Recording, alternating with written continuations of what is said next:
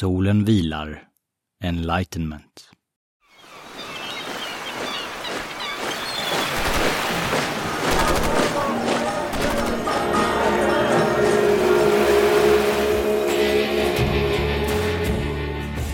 Hej, jag heter Mikael Hedman och den här podden är berättelsen om svensken som far på irrvägar, missar att samla pensionspoäng, knappt återvinner sin plast och inte olikt Ferdinand mest vill sitta under sin andliga korkek och lukta på blommorna.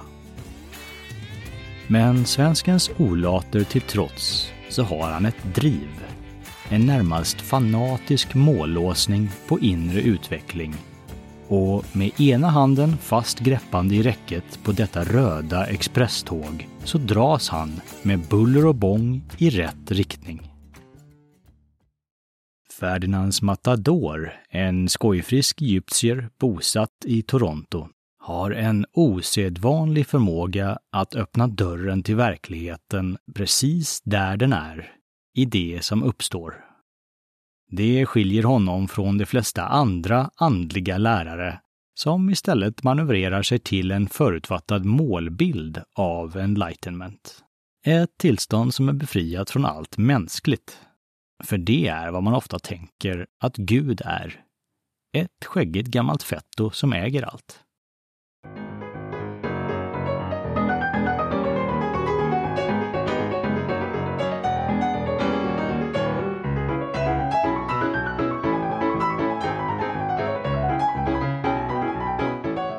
Jakten på specifika målbilder och medvetandetillstånd som lösning på verklighetsresan är sedan länge till ända för svensken. Han försöker inte förändra det som naturligt uppstår. Istället är han för var dag mer öppen att tillåta, uppleva och utgöra existensen, oberoende av hur den tar form. Han har på ett positivt sätt fått en mer följsam vilja May thy will be done, som någon en gång sa. I det ser han den enkla sanning som all jakt efter särskilda upplevelser håller dold. Mer än så kan man inte göra för sin utveckling, säger den upplyste vägledaren i Toronto. Okej okay då. Han slappnar av sitt inre fokus och hänger sig åt att studera samhälle och arbetsliv. Han jobbar i försvarsindustrin Sverige är västorienterat och de senaste åren har orienteringen blivit mer uttalad. Relationen med björnen i öst är ansträngd. Men om det är fred vi alla vill ha så kanske en bra metod är att greppa spikklubban med en hand och samtidigt sträcka ut en olivkvist med den andra. Det fungerar oavsett om man är höger eller vänsterhänt. Bara ens begreppsvärld klarar av att göra två saker samtidigt, så finns bästa möjliga förutsättningar att deeskalera anspänningen och återväcka samtalsklimatet. Men fred har kanske aldrig varit högsta prioritet. Positionering och överlevnad är förmodligen viktigare för oss. Och för vissa ser nog planeten ut som ett gigantiskt spel av Prisoners Dilemma. Men det finns gott om tillit och generositet bland vanliga människor. Vanliga människor vet att det är fint att ge stöd till andra, även om det inte tjänar något på det. Men när vanliga goda människor sätter sig bakom skrivbordet på jobbet och med ett pennstreck har möjlighet att påverka tusentals kunder eller anställda, så tonas den godheten ner just när den skulle få som bäst genomslagskraft. Det är för att godheten är knuten till en medvetandenivå. När nivån skiftar på grund av egenintresse och rädsla så försvinner den öppenhet mot andra som var självklar för bara några sekunder sedan. Vet man hur människor kan hjälpas till att slappna av från att vara låsta i rädsla så kan man göra mycket gott för både företag och samhälle. Det var nämligen aldrig vallhunden som styrde fåren. Det var fårens rädsla för vallhunden som styrde dem. Uppskattar man de mänskliga mekanismerna på djupet så vill man samtidigt inte manipulera någon, bara erbjuda möjligheten att skifta till ett trevligare liv. Men rädsla har sin funktion och är förmodligen en betydande mekanism i de flesta av våra samhällsfunktioner. Om vi inte motiverades lite av rädsla så skulle vi kanske inte röra oss ur fläcken.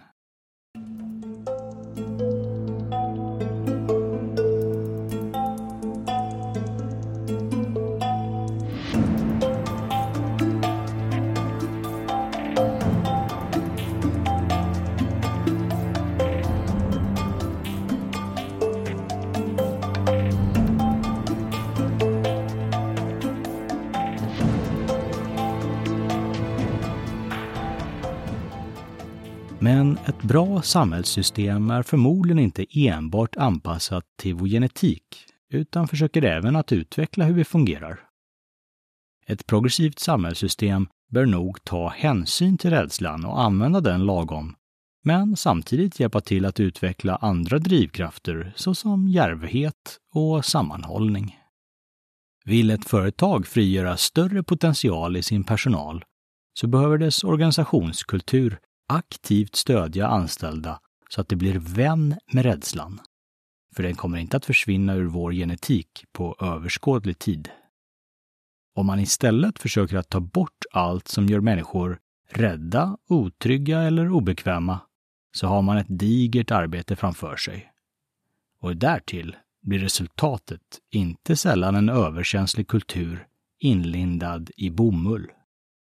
En sådan kultur utmärks snarare av social försiktighet och avstånd mellan människor än genuin tillit och robusta relationer, vare sig det är frågan om ett samhälle eller om ett företag. När en person är upprörd och arg för att något hänt på jobbet så kanske den personen börjar koppla upplevelsen till vissa karaktärsdrag och upptäcker gradvis ett mönster av liknande upplevelser genom sitt liv. Kanske ser personen att den valt en partner som också har en laddning kring det här beteendet. Man börjar trassla upp alla psykologiska trådar i syfte att förstå sig själv. En komplex och omfattande process som ibland känns som en labyrint. Det är den linjära nivån. När man istället skiftar ifrån linjärt tillvägagångssätt till enkel närvaro med vad som uppstår så möter man enbart smärtan av vad som hände på jobbet. Sammanhanget lägger man åt sidan. Man håller allt enkelt och fundamentalt, utan lösningar eller tankar på vad som hände. Tankar och insikter kan komma senare som en bieffekt av att man mött obehaget. Det är denna enkla process som leder till verklighetens kärna. Svensken har omvandlats av processen och upplever ögonblick som det uppstår. Han lägger inte längre sin tyngdvikt utanför ögonblicket och tänker inte ens på enlightenment. Därför händer det som han väntat på.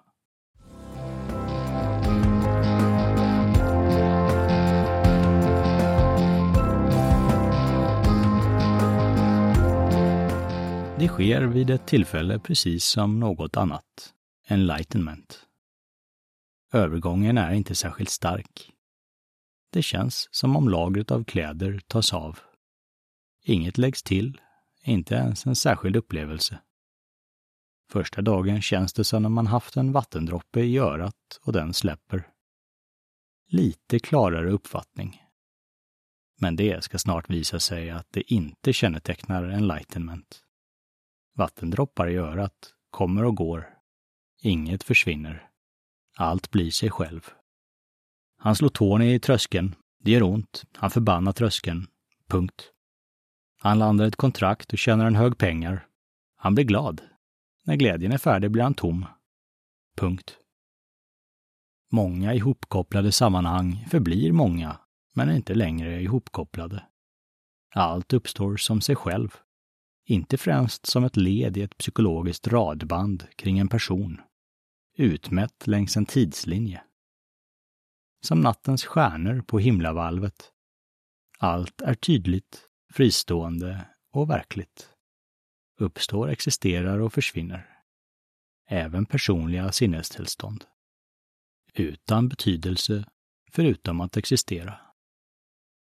Men enlightenment tar lite tid att vänja sig vid Enbart känslan av ensamhet är till en början en ovanlig känsla för människan som får ha upplevelsen.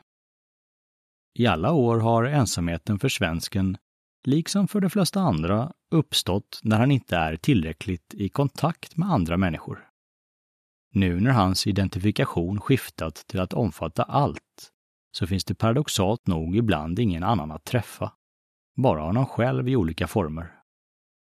Att vara det singular som existerar ger en konstig känsla av ensamhet. Men vill han generera den gamla upplevelsen så går det bra med hjälp av en öl och lite gott folk. I gruppen med mannen från Toronto har två andra också passerat gränsen.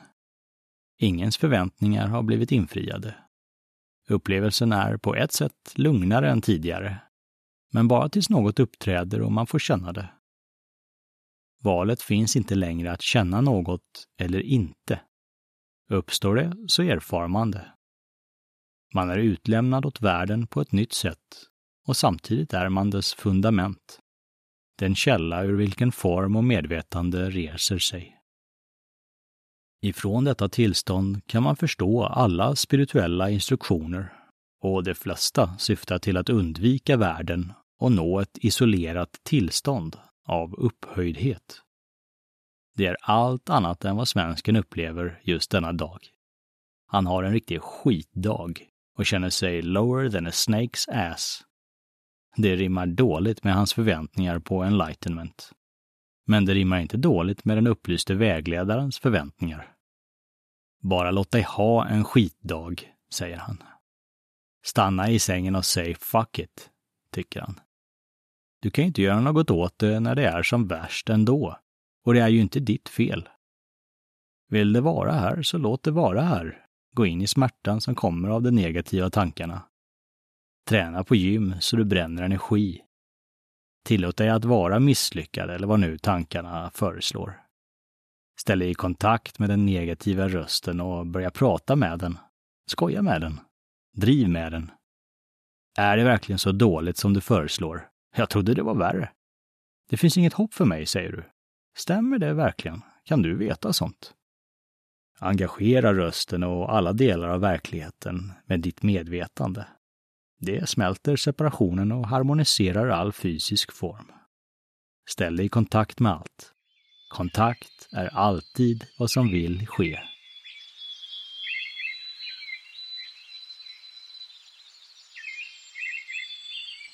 Vägledaren sätter i ord vad han upplever. I enlightenment finns ingenstans att gömma sig eller disassociera. Allt sökande tappar farten spontant. Det finns inget att söka. Allt kan uppstå, inklusive motstånd eller tunga känslor. Du kan inte separera från något. Inget saknas i enlightenment, allt finns här i medvetenhet. Du är inte fast i ett särskilt tillstånd eller i kontroll över dig själv och dina omständigheter. Allt lever. Det är oerhört enkelt. Det finns egentligen inget nytt att göra eller uppnå. Du sträcker dig redan igenom allt. Du kan inte ändra något eller bli av med något eller modifiera något. Allt uppstår i medvetenhet, så tron om att man äger och kontrollerar känslorna eller är ansvarig för tankarna evaporerar. Medvetenheten ligger inte på någon nivå, så alla nivåer framträder tydligt. Som solen är över molnen. Strax ovan den nivå där konsekvenskedjor och strukturer har sina domäner. Men allt förblir. Hjärnverksamheten fortsätter enligt sina parametrar och personligheten är oförändrad. Fungerar tankarna väl så löser det praktiska problem och inte existensens djupaste gåtor. Gåtorna är alldeles för enkla och uppenbara för att lösas av tankar. Enlightenment uppfattas inte på något särskilt sätt i vardagsupplevelser. Upplysning medför inte nödvändigtvis några synliga konsekvenser. Som exempel blir en person i deras grupp mer arrogant trots att hennes medvetande är i topp. Hon höll tillbaka den sidan av sig själv tills nu och hon har definitivt inga problem med sin fräna personlighet, för hon lever inte med konceptet att hennes personlighet behöver fungera på ett särskilt sätt. En annan i gruppen upptäcker att han hamnat i ett anmärkningsvärt lugn och har på ett nästan patologiskt sätt blivit av med sina rädslor. Någon på hans jobb frågar om han är orolig för att få sparken eller för cancer, krig och miljöförstöring. Nej, svarar han. Tror du inte att det kommer hända? frågar arbetskamraten tillbaka. Jo, svarar han. Det är svårt för arbetskamraten att förstå var han kommer ifrån. Hur hans identifikation med livet har fördjupats till den milda grad att han inte längre är rädd. Medvetenhet påverkas inte av att dö och hans tankar övertygar honom inte längre att vara rädd.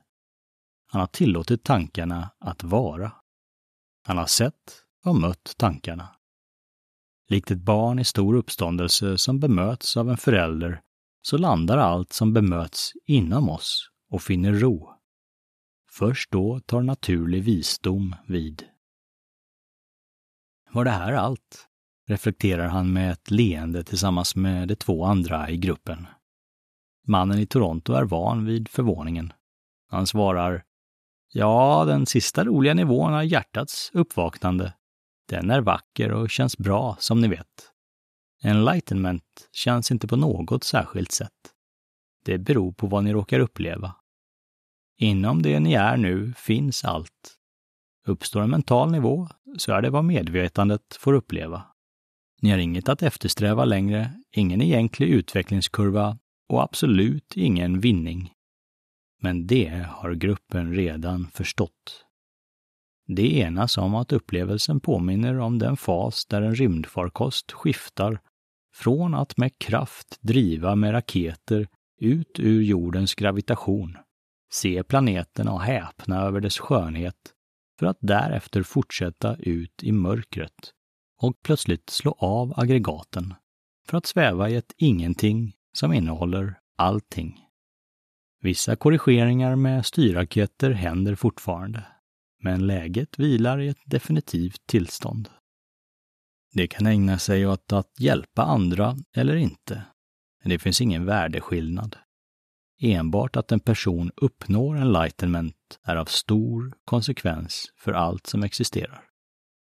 Det är inte hybris, utan snarare tvärtom. Yttersta enkelhet. Likt salt möjliggör havets artrikedom och får alla fartyg att flyta högre. Hela havet påverkas av sin salthalt men saltet självt är lika enkelt som det alltid är. Efter all denna tid och allt detta kämpande är det lustigt att svensken inte känner skäl att fira. Han har inte åstadkommit något. Det som skulle ske har skett. Han har varit ihärdig och gjort sitt bästa. Inte sällan har han gjort sitt sämsta. Men i vilket fall så har det skett. Faktiskt sig själv till trots så har processen nått sitt mål. Den är inget han önskar någon annan. Den är inte nödvändig för att må bra, snarare tvärtom. Man kan få ett bra liv med hjälp av några av teknikerna som används för att nå enlightenment. Men det räcker. I slutändan leder upprepade livsupplevelser ofrånkomligen till att man utvecklas och av ren naturlighet närmar sig nålsögat. Men man behöver inte göra en grej av det. Om någon hakat upp sig i livet eller är seriöst sökande så kan man visa vägen och vara tillgänglig med sin medvetenhet, öka salthalten och få dem att flyta lite högre. Man behöver definitivt inte väcka mänskligheten eller rädda världen. Den verkar just nu rädda sig själv genom att förbereda scenen för en minskning av antalet människor.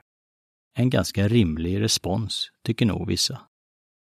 Samtidigt känns det naturligt för svensken att plocka upp skalbaggen som ligger farligt på cykelvägen. Medkänsla med allt levande och ovilja att skada finns där, men inte på ett linjärt, konsekvent sätt. Linjära principer med säte i det mentala har sin plats, men är långt ifrån den enda dimensionen.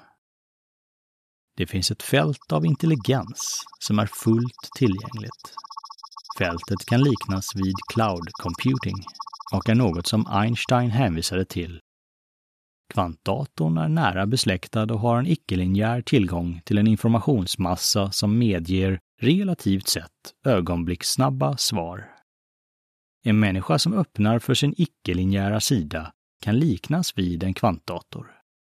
De flesta hanterar sin enorma potential, som i sången om evighetsmaskinen. Vad har du för nytta av den? Jo, ibland går maskinen varm och då kan man koka gröt uppe i tratten. Men vår kropp är en extremt avancerad skapelse och man kan lyssna in på dess egen intelligens, bara man vill. Lyssna lite mindre på telefonsvararen i huvudet så blir den inbyggda potentialen tillgänglig. Flytta fokus från tankar och analys och närma dig kroppen intuitivt. Då kommer man i kontakt med en nivå av intelligens som vida överstiger vad hjärnan kan dikta upp. Vad svensken gått igenom sedan hans mentala ridåer först började släppa in omgivningen för snart 20 år sedan har nu blivit hans normaltillstånd. Resultatet är omfångsrikt. Hans identitet har inte längre starka artificiella gränser och han upptäcker att han är allt. Men hur förhåller man sig till allt? Det är en kuggfråga. Man förhåller sig bara till något om man har en gnutta avstånd till det. Ett vittnesperspektiv.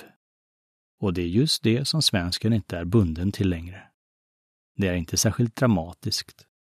Snarare är det ett tillstånd utan några särskilda fördelar. I vissa fall krävs till och med att han sätter upp lite avskärmande väggar och beter sig praktiskt för att fungera som människa i arbetslivet. Han jobbar fortfarande som konsult.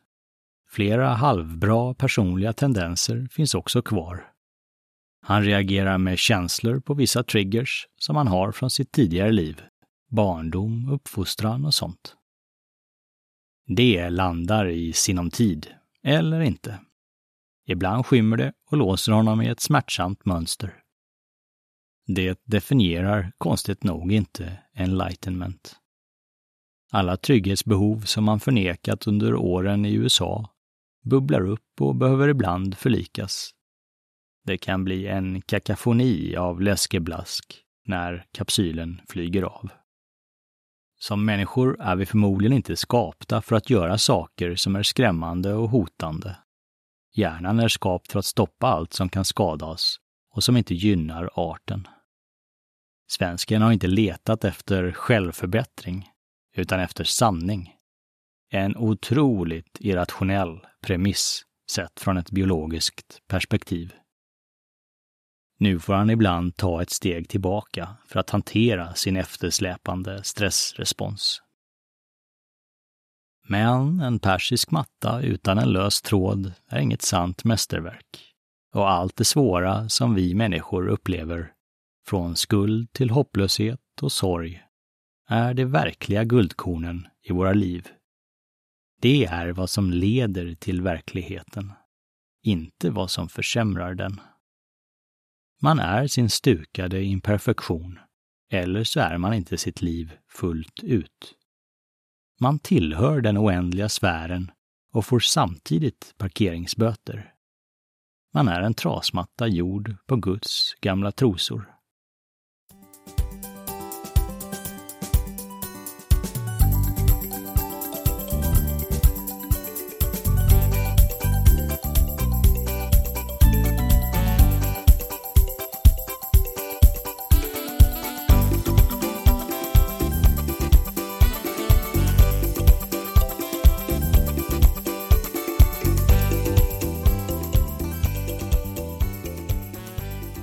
Asien avbildas fete guldbuddha med en tår i ögonvrån. Han kände alltings fulländade natur i varje ögonblick, men fick ändå en tår i ögat av medkänsla med alla varelsers hårda livskamp och skänkte sitt liv till att vara till hjälp. Tänk på en buddha som en person som är bra på att lida, inte en person som är bortom lidande. Han försökte inte rädda världen, för den har aldrig bett om att bli räddad. Han gjorde bara vad som kändes naturligt. På samma sätt gör sig svensken tillgänglig. Då och då söker någon upp honom och ber om hjälp med sin livssituation. Mekaniken är enkel. Att undvika och motsätta sig en känsla skapar spänningar och lidande. Eftersom vår inre motsättning är smärtsam i sig så motsätter vi oss automatiskt vårt motstånd. Motstånd mot motståndet alltså. Labyrinten tätnar och vi blir dubbel eller trippellåsta. Det är skälet till att vi försöker ta oss ifrån våra liv till något annat. För att undvika smärtan vi försatt oss i genom att inte tillåta våra liv som det är. Låt istället katten komma och gå som den vill. Låt ditt liv gå upp och ned som det gör. När vi tillåter livssituationen och upplever våra liv så lättar spänningen väldigt fort. Det är ett vackert steg och ett okomplicerat steg. Oaktat om du är en förälder som förlorat ett barn, en företagare som står inför konkurs eller en politiker som bränt varumärket. När svensken guidar människor dit så behöver han inte veta något om vad som händer i deras liv, bara vad de känner i ögonblicket. Det blir helt anonymt och samtidigt djupt personligt. Det som kommer till honom behöver inte avslöja något om sina bekymmer eller privata omständigheter. Omständigheterna är inte bara irrelevanta för att det ska ta sig vidare. Det är även ett hinder om man ger det för mycket uppmärksamhet. Nuläget är vad som räddar, inte historia eller framtid. Det enda han gör är att leda dem till nuläget, den sista plats man föreställer sig ska ge lindring när livet är obehagligt. Han håller en grad av medvetenhet som inte motsätter sig något. En öppenhet som får andra att öppna sig och slappna av. Visa människor har genom historien hittat denna nyckel till hälsa och visdom. En man vid namn Krishnamurti, som för länge sedan uppnådde enlightenment, frågade en dag sina följare Do you want to know my secret? So everybody leaned in and went He's gonna give us a gem here. He's really gonna give us some pearls of wisdom. And Krishna said I don't mind what is. När man börjar se saker för vad det är så ser man att det bara är en fråga om att tillåta och uppleva, inte bygga ändlösa strategier för att kompensera läget. Det finns en stor skillnad mellan att hela tiden söka det man föredrar och att uppleva verkligheten som den i stunden är. Med andra ord att antingen försöka undvika en sak och sträcka sig efter något annat man hellre vill ha, jämfört med att uppleva vad som sker och till slut finna ro mitt i existensen. Gör man det sistnämnda så utvecklas dessutom medvetandet på egen hand.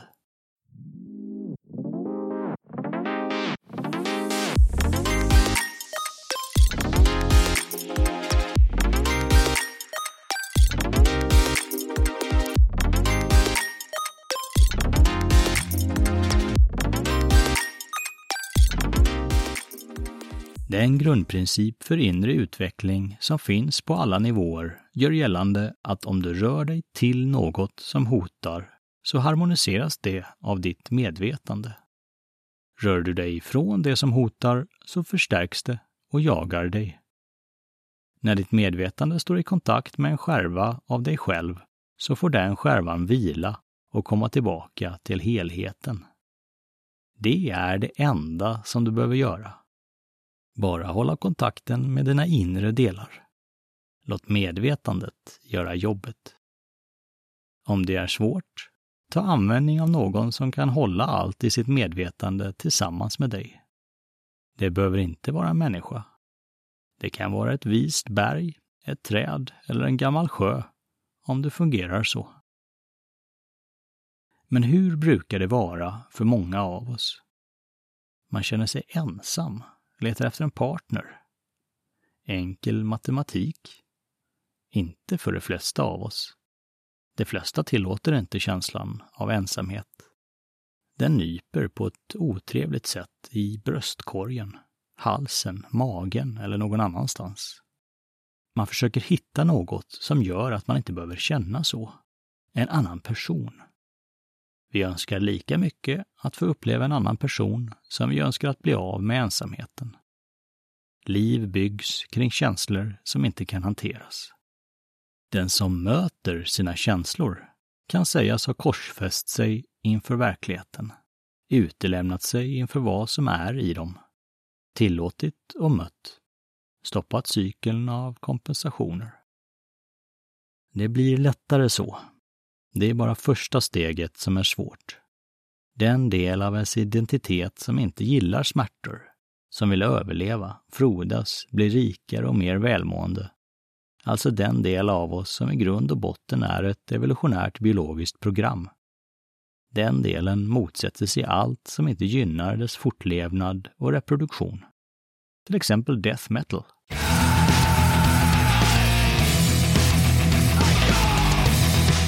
Ett bra program för artens överlevnad såklart, men inte nödvändigtvis från ett individperspektiv. Eftersom programmet lägger till en massa illusioner och godtyckligt alltså förvränger livet. Om man till viss del går emot sin biologiska instinkt så har man konstigt nog ofta mer att vinna. Dessutom kan man göra två saker samtidigt.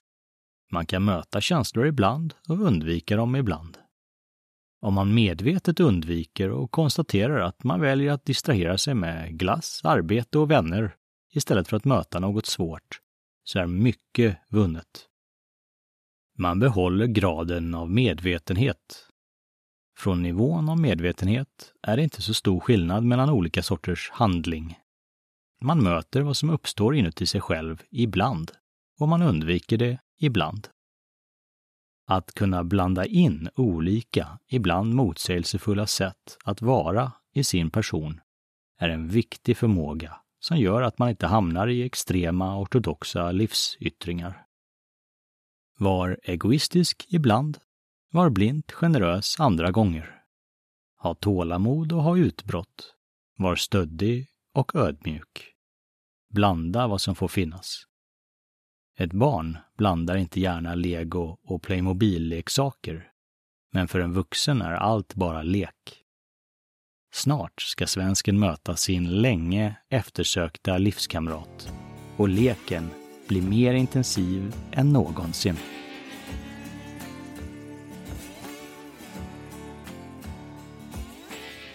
Tack för att du lyssnar. Jag heter Mikael Hedman och arbetar som företagsstrateg och personlig rådgivare. Podden har jag satt ihop som underhållning och för att mina erfarenheter eventuellt ska komma till nytta för dig. Vid allvarliga sömnsvårigheter kan du till exempel läsa Swedish Buddha-podden som bok. Du kan beställa boken via hemsidan swedishbuddha.se. Men låt inte allt som berättas i podden påverka ditt eget upptäckande. Förkasta utan minsta tvekan sånt som du inte kan känna igen dig i eller som låter fel. Det här är 20 år ur mitt liv med mina ögon Vissa saker kommer inte att passa med hur du upplever livet. Om du är intresserad av inre utveckling så är du varmt välkommen att höra av dig via hemsidan eller boka ett möte direkt i kalendern på rentabuda.com. Det skulle glädja mig att få prata med dig. Ha det så bra tills dess. The content of this podcast is only for the informational use of the listener. Information contained herein is not intended as, nor does it constitute spiritual or inner advice. For proper advice, please consult with your designated religious authority only.